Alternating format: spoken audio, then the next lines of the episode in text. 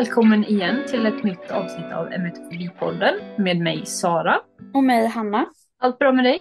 Allt är, nej vet du vad, jag har faktiskt att ljuga för att eh, saker och ting, det är bra men jag är lite eh, sleten från gårdagen för jag var ute till halv fyra. Eh, annars mår jag jättebra. Hur mår du? Ja, jag mår faktiskt jättebra. Jag var inte ute till halv fyra. Så ett nytt avsnitt och vi går väl rakt på sak. Ett väldigt Ehm, spännande sådant måste jag bara tillägga innan för det här kommer vara er stora guide Ja, genom vintern. exakt. Och vi tänkte prata om hur man överlever vinterkräksjuka och även vintern då med spyfobi. Otroligt aktuellt och jag hoppas att ni kan finna någon, ja, att, att det klarnar för er, att man inte behöver vara så oroliga som vi är ibland. Precis. Eh, så att dagens upplägg är att vi kommer erbjuda en stor guide till det som Sara sa, hur man överlever vinterkräksjukan med spyfobi eller vintern med spyfobi. För vi har nämligen gjort eh, lite research och tagit från säkra källor som vi kommer redovisa massa information om allt ni behöver veta innan magsjuka, under magsjuka och efter magsjuka. Så jag hade tänkt presentera det idag för er. Ja, spännande. Ja, och innan vi börjar så vill vi bara verkligen trycka på och förtydliga att vi gör inte detta avsnittet för att alla ska bli hyper, eh, hypermedvetna om att vinterkräksjukan går eller så. Det är inte det fokuset ligger på. Och vi gör inte heller det för att hetsa eller trigga någon. Mm. Utan snarare tvärtom. Vi har verkligen tagit in bra information från säkra källor. Så att vi hoppas på att det här avsnittet kan ge, ge en lugnande effekt och att vi upplyser er med konkret information istället för hets. Precis. Och vet du med det att du kan bli sån att du fastnar ofta vid oron och så vidare. Så lyssna på det här avsnittet i, i uppdelade delar så att du hinner bearbeta informationen också.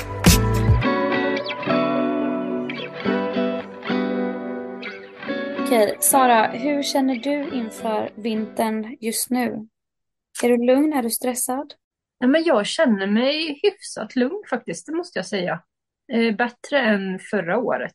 Finns det någon Eh. anledning till att det känns bättre i år? Ja, det tror jag. Jag kan inte sätta fingret på vad det är, men eh, Du kanske har jobbat med exponering? kanske har jobbat lite med exponering, kanske har eh, gått i hypnos, ja. Det får vi prata mer om i ett senare avsnitt. Din Ja. hypnos. Det känns eh, lugnare och jag känner mig lugnare och lättare och, och tänker liksom. Jag försöker inte, inte tänka i förväg på vad som kan hända heller. Så det känns riktigt bra. Hur Skönt. känner du inför vintern? Det, beror, det varierar lite. Jag eh, rör mig väldigt mycket out in public nu för tiden och jag pendlar till skolan och jag är på skolan och så. Så jag skulle ljuga om jag säger att jag inte har katastroftankar om det och att jag är ganska medveten om att någonting kan hända. Men jag skulle även säga att jag känner mig ganska lugn faktiskt. Hade du frågat mig det här frågan förra året så hade jag haft total panik. Mm. Alltså jag, hade, jag gick inte utanför dörren om jag inte var tvungen.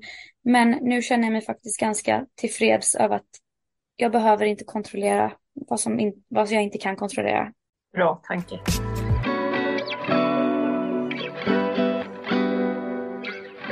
Så, då börjar vi den här första informationsdelen då och eh, nu har vi hämtat information ifrån 1177.se vilket är en eh, sida där, där man faktiskt ska läsa för de vet vad de pratar om. Vinterkräksjukan då orsakas ju av kalicivirus, vilket många av oss vet.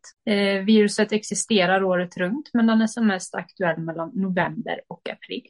De flesta blir sjuka mellan januari och mars, vilket är en jättejobbig månad för oss. Ofta varar symptomen mellan ett till tre dygn. De flesta som får vinterkräksjukan behöver inte söka vård utan blir friska efter några dagar. Och då saker som är viktigt att tänka på om man är sjuk att du ska dricka mer vätska än vanligt. Drick hellre lite i taget än mycket. Och om det är svårt så kan man använda en matsked, speciellt om diarré är ett symptom. Vätskeersättning kan vara bra att dricka så att kroppen inte förlorar alla viktiga ämnen. Prova att äta vanlig mat när du känner dig bättre och kan börja äta igen, då i små portioner. Det är ju grundläggande liksom för att vi ska få i oss vätska och, och mineraler och salter och sånt ifrån vätskeersättning. Hur länge då ska man stanna hemma? Det är ju också en ganska omtalad fråga. Ja, det är en väldigt diskuterad fråga. Så jag ja. tänker att vi, vi bryter ner det med information här från 1177. Och barn då som går på förskola eller dylikt kan komma tillbaka när de äter som vanligt och det har gått minst två dygn utan att de har kräkts eller haft diarré. Många vet jag är väldigt snabba på att skicka tillbaka sina barn när ja, de liksom har slutat kräkas men de kan fortfarande inte äta mat. Då blir det epidemi på förskolorna. Precis. Och barn som går i skolan ska stanna hemma minst ett dygn efter att de har blivit friska. Hur länge barnet ska vara hemma beror på barnets ålder och mognad. Risken att smitta minskar om barnet kan ta hand om sin egen hygien, till exempel gå på toaletten själv och tvätta händerna efteråt. Andra vuxna och barn i samma hushåll som är friska behöver inte stanna hemma för att undvika att smitta andra. Däremot är handhygien viktigt samt att gå hem om symptom uppstår. Jag tycker att den punkten är väldigt viktig att ta upp. Ja. För att jag kan förstå att som emetofob att man, att man vill stanna hemma ifall att man själv har blivit smittad. För att många är ju rädda för att bli sjuka när man inte är hemma. Mm. Men man ska inte stanna hemma om man inte är smittad. Nej, och jag kan relatera för som ett, ett och ett halvt år sedan, ja, så jag hade blivit skitförbannad om någon hade lämnat sitt barn på förskola, skola, men någon annan låg hemma och var magsjuk. Men det är ju bara ett sätt för mig att försöka kontrollera livet igen så att säga, och det hjälper ju inte. Visst, för de smittar ju inte förrän de har symptom. Så hur smittar då vinterkräksjukan? Vinterkräksjukan är mycket smittsam och kan spridas på olika sätt. Det första är genom kontakt med smittade personer, antingen direkt eller med de som är sjuka eller indirekt kontakt genom att man till exempel har hållit i samma leksak eller torkat sig på samma handduk. Det vill säga du måste in med fingrarna i munnen då. Det smittar genom huden för att Nej. vara extra tydlig. Eh, det smittar också genom mat och dryck som hanterats av en person som är sjuk. Återigen för att du får i dig maten som den personen har tillagat. Ja. Inkubationstiden är vanligtvis mellan 12 till 48 timmar från att du blir smittad tills du blir sjuk. Det här tycker jag är en ganska intressant punkt för många börjar ju räkna ner timmar. Vilket är förståeligt. För jag, man har ju själv varit där. Ja. Men det är ett extremt bra sätt att få sig själv att gå upp i högvarv och må fruktansvärt dåligt på. Ja, det är det. Och då sista punkten här på hur det smittas. Att många tror ju att det sprids via luften. Alltså du kan, om du står jämte någon och den andas. Men det är, det är fel, det är en droppsmitta. Så hur ska du då göra för att undvika att få eller sprida vinterkräksjukan? Och som vanligt så tvätta alltid händerna noga med tvål och vatten efter toalettbesök och före måltider. Det räcker inte att använda handsprit för att hindra smitta en ganska logisk punkt. Jag menar, normala människor de tvättar händerna med tvål och vatten före, före måltider och efter toalettbesök. Liksom. Det, det tror jag väldigt många gör i alla fall. Och då är det då att man vill ha den mekaniska rengöringen, att man gnuggar händerna mot varandra med tvål. Det är det som gör att bakterierna eh, försvinner. Precis. Och det vi kan också tillägga här att detta innebär inte att man behöver, som många emetofober gör, tvätta händerna konstant hela tiden så att de torkar ut. Det är inte det källan menar på utan de menar på att när du ska till exempel äta där du kan få i dig bakterier, då ska du tvätta händerna och såklart då efter toalettbesök för det är något alla borde göra. Ja, helt korrekt.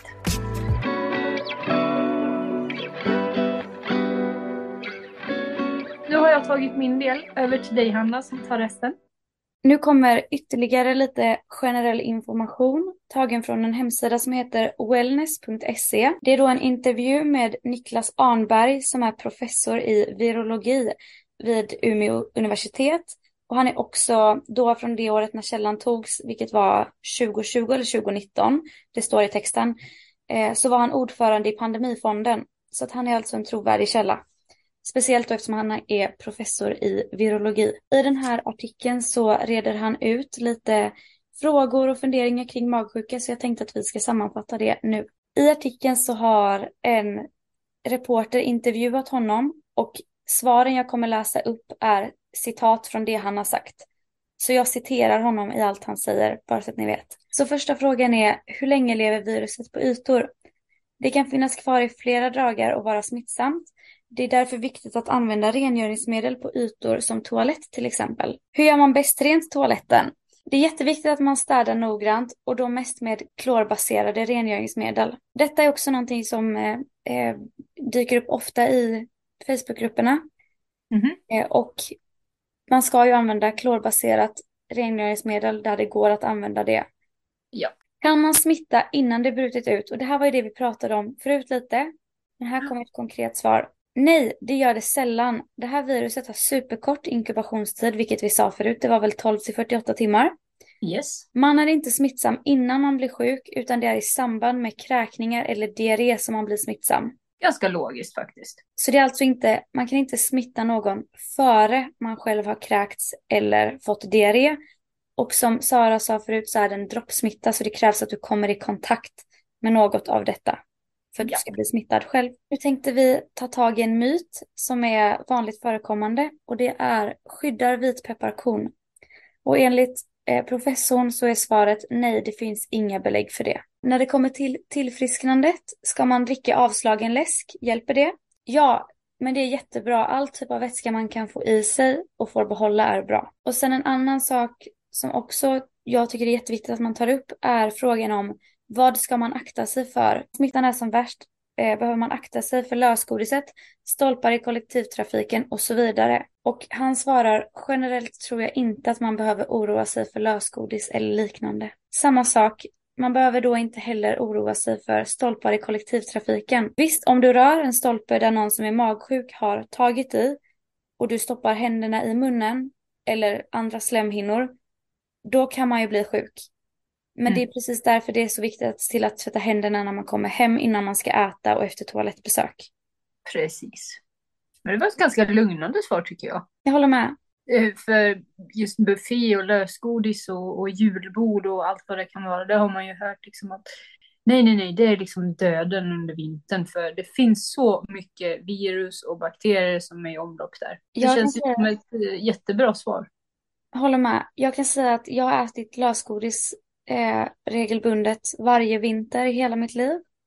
Mm. Och inte blivit smittad. Likadant eh, när vi ändå var inne på det här med julbord och eh, bufféer. Du berättade för mig häromdagen att det hade dykt upp en liten kontrovers, mm, någonting gällande att folk hade skrivit att de skulle aldrig kunna tänka sig gå på julbord för att alla får magsjuka av julbordet. Mm.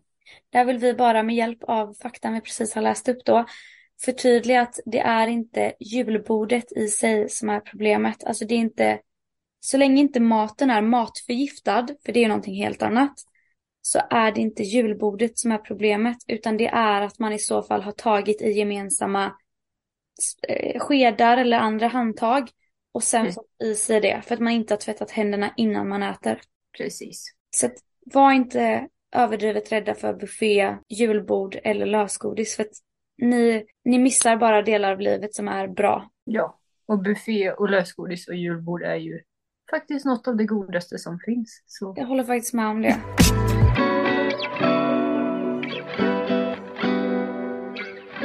Så nästa del så tänkte vi att vi skulle trycka lite extra på några punkter. Och um, det handlar om säkerhetsbeteende. För att när vinterkräksjukan och magsjukan är i högsäsong eller att vi säger att smittan kommer nära, till exempel att barn drar hem det från förskolan, kollegor blir sjuka, familjemedlemmar blir sjuka och så vidare. Så är det extra viktigt att försöka att stå emot att falla tillbaka till gamla säkerhetsbeteenden.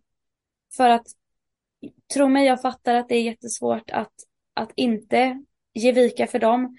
Men om ni kan stå emot det så kommer er fobi bli mycket bättre i längden. Exakt.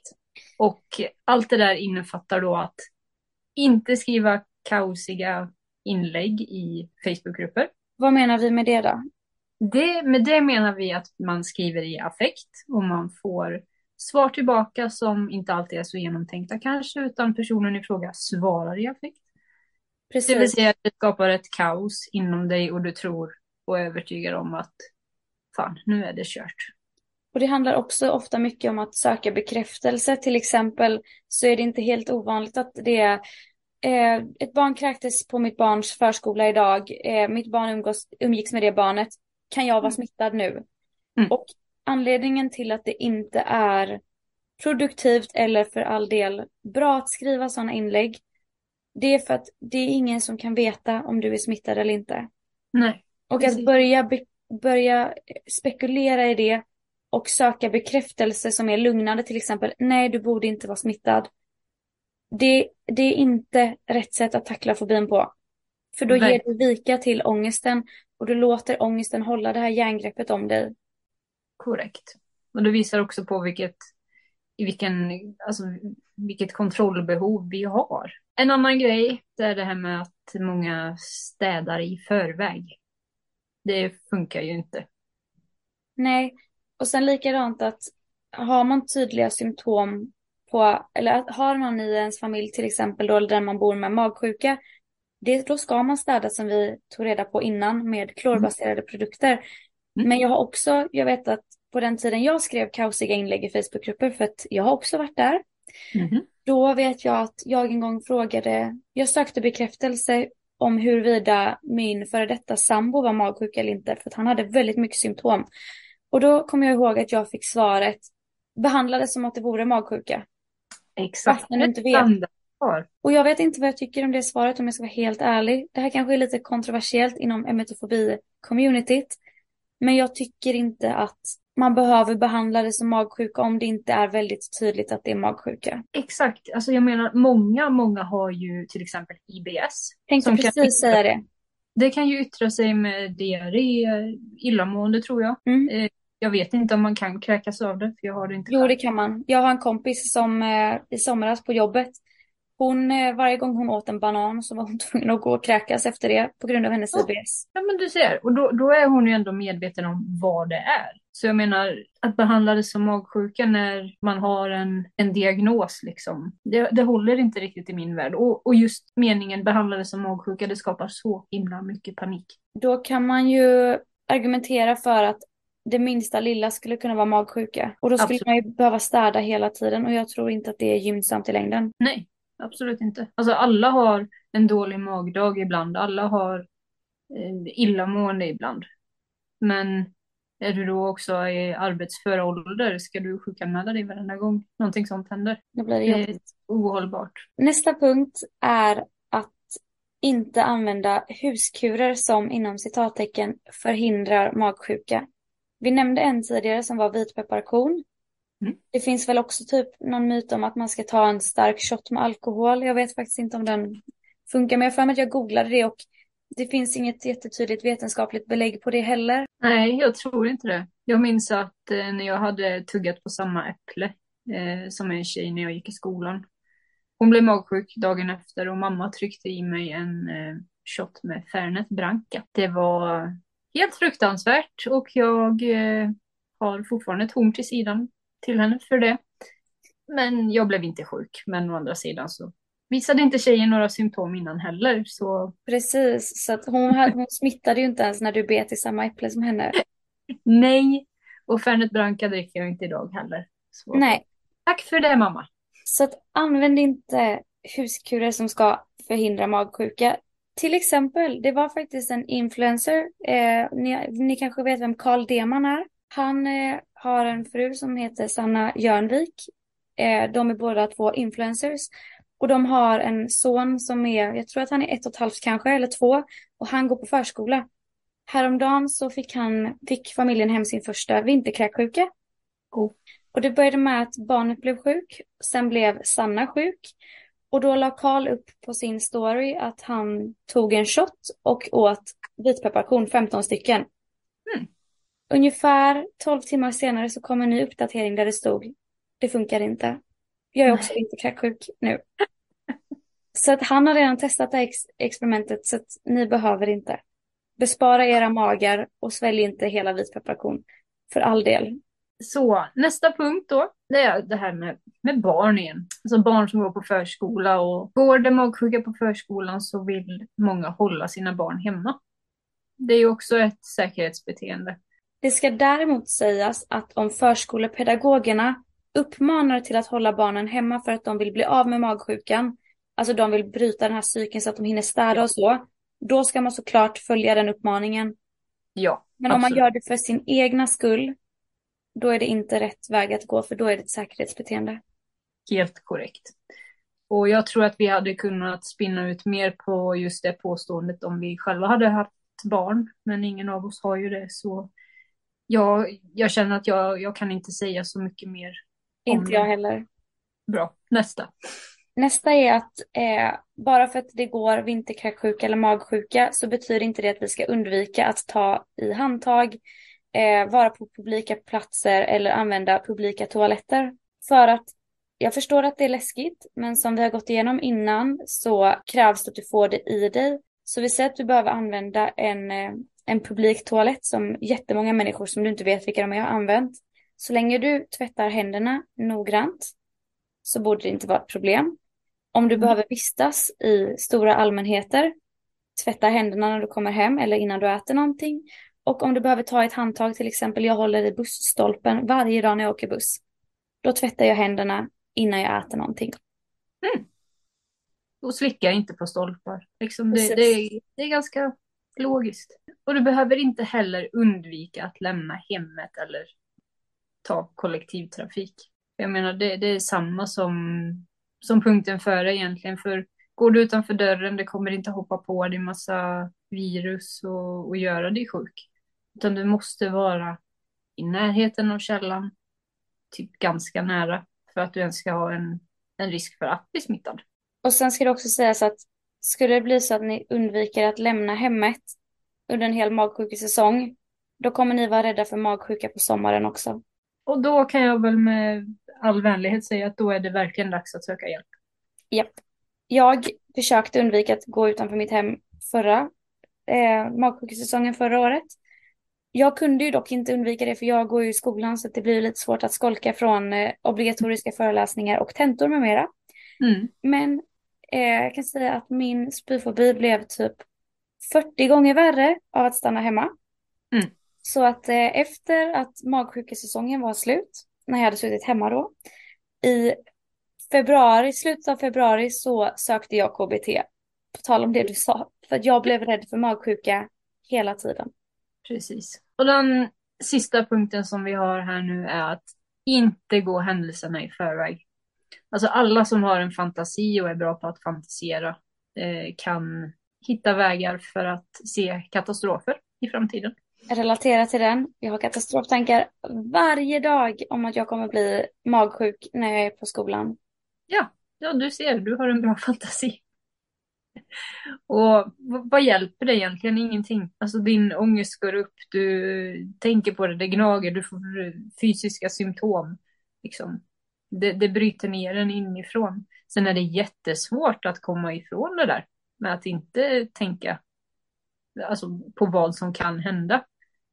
Men samtidigt så lever vi i nuet, vi lever inte i framtiden, vi lever inte i dåtiden, utan det är nu. Det är nu som räknas. Och det vi kan lägga en vänlig påminnelse om är att då kanske vi får frågan, ah, men hur stoppar man de här katastroftankarna? Svaret är, du ska inte stoppa dem. Försöker du stoppa dem så kommer de komma starkare.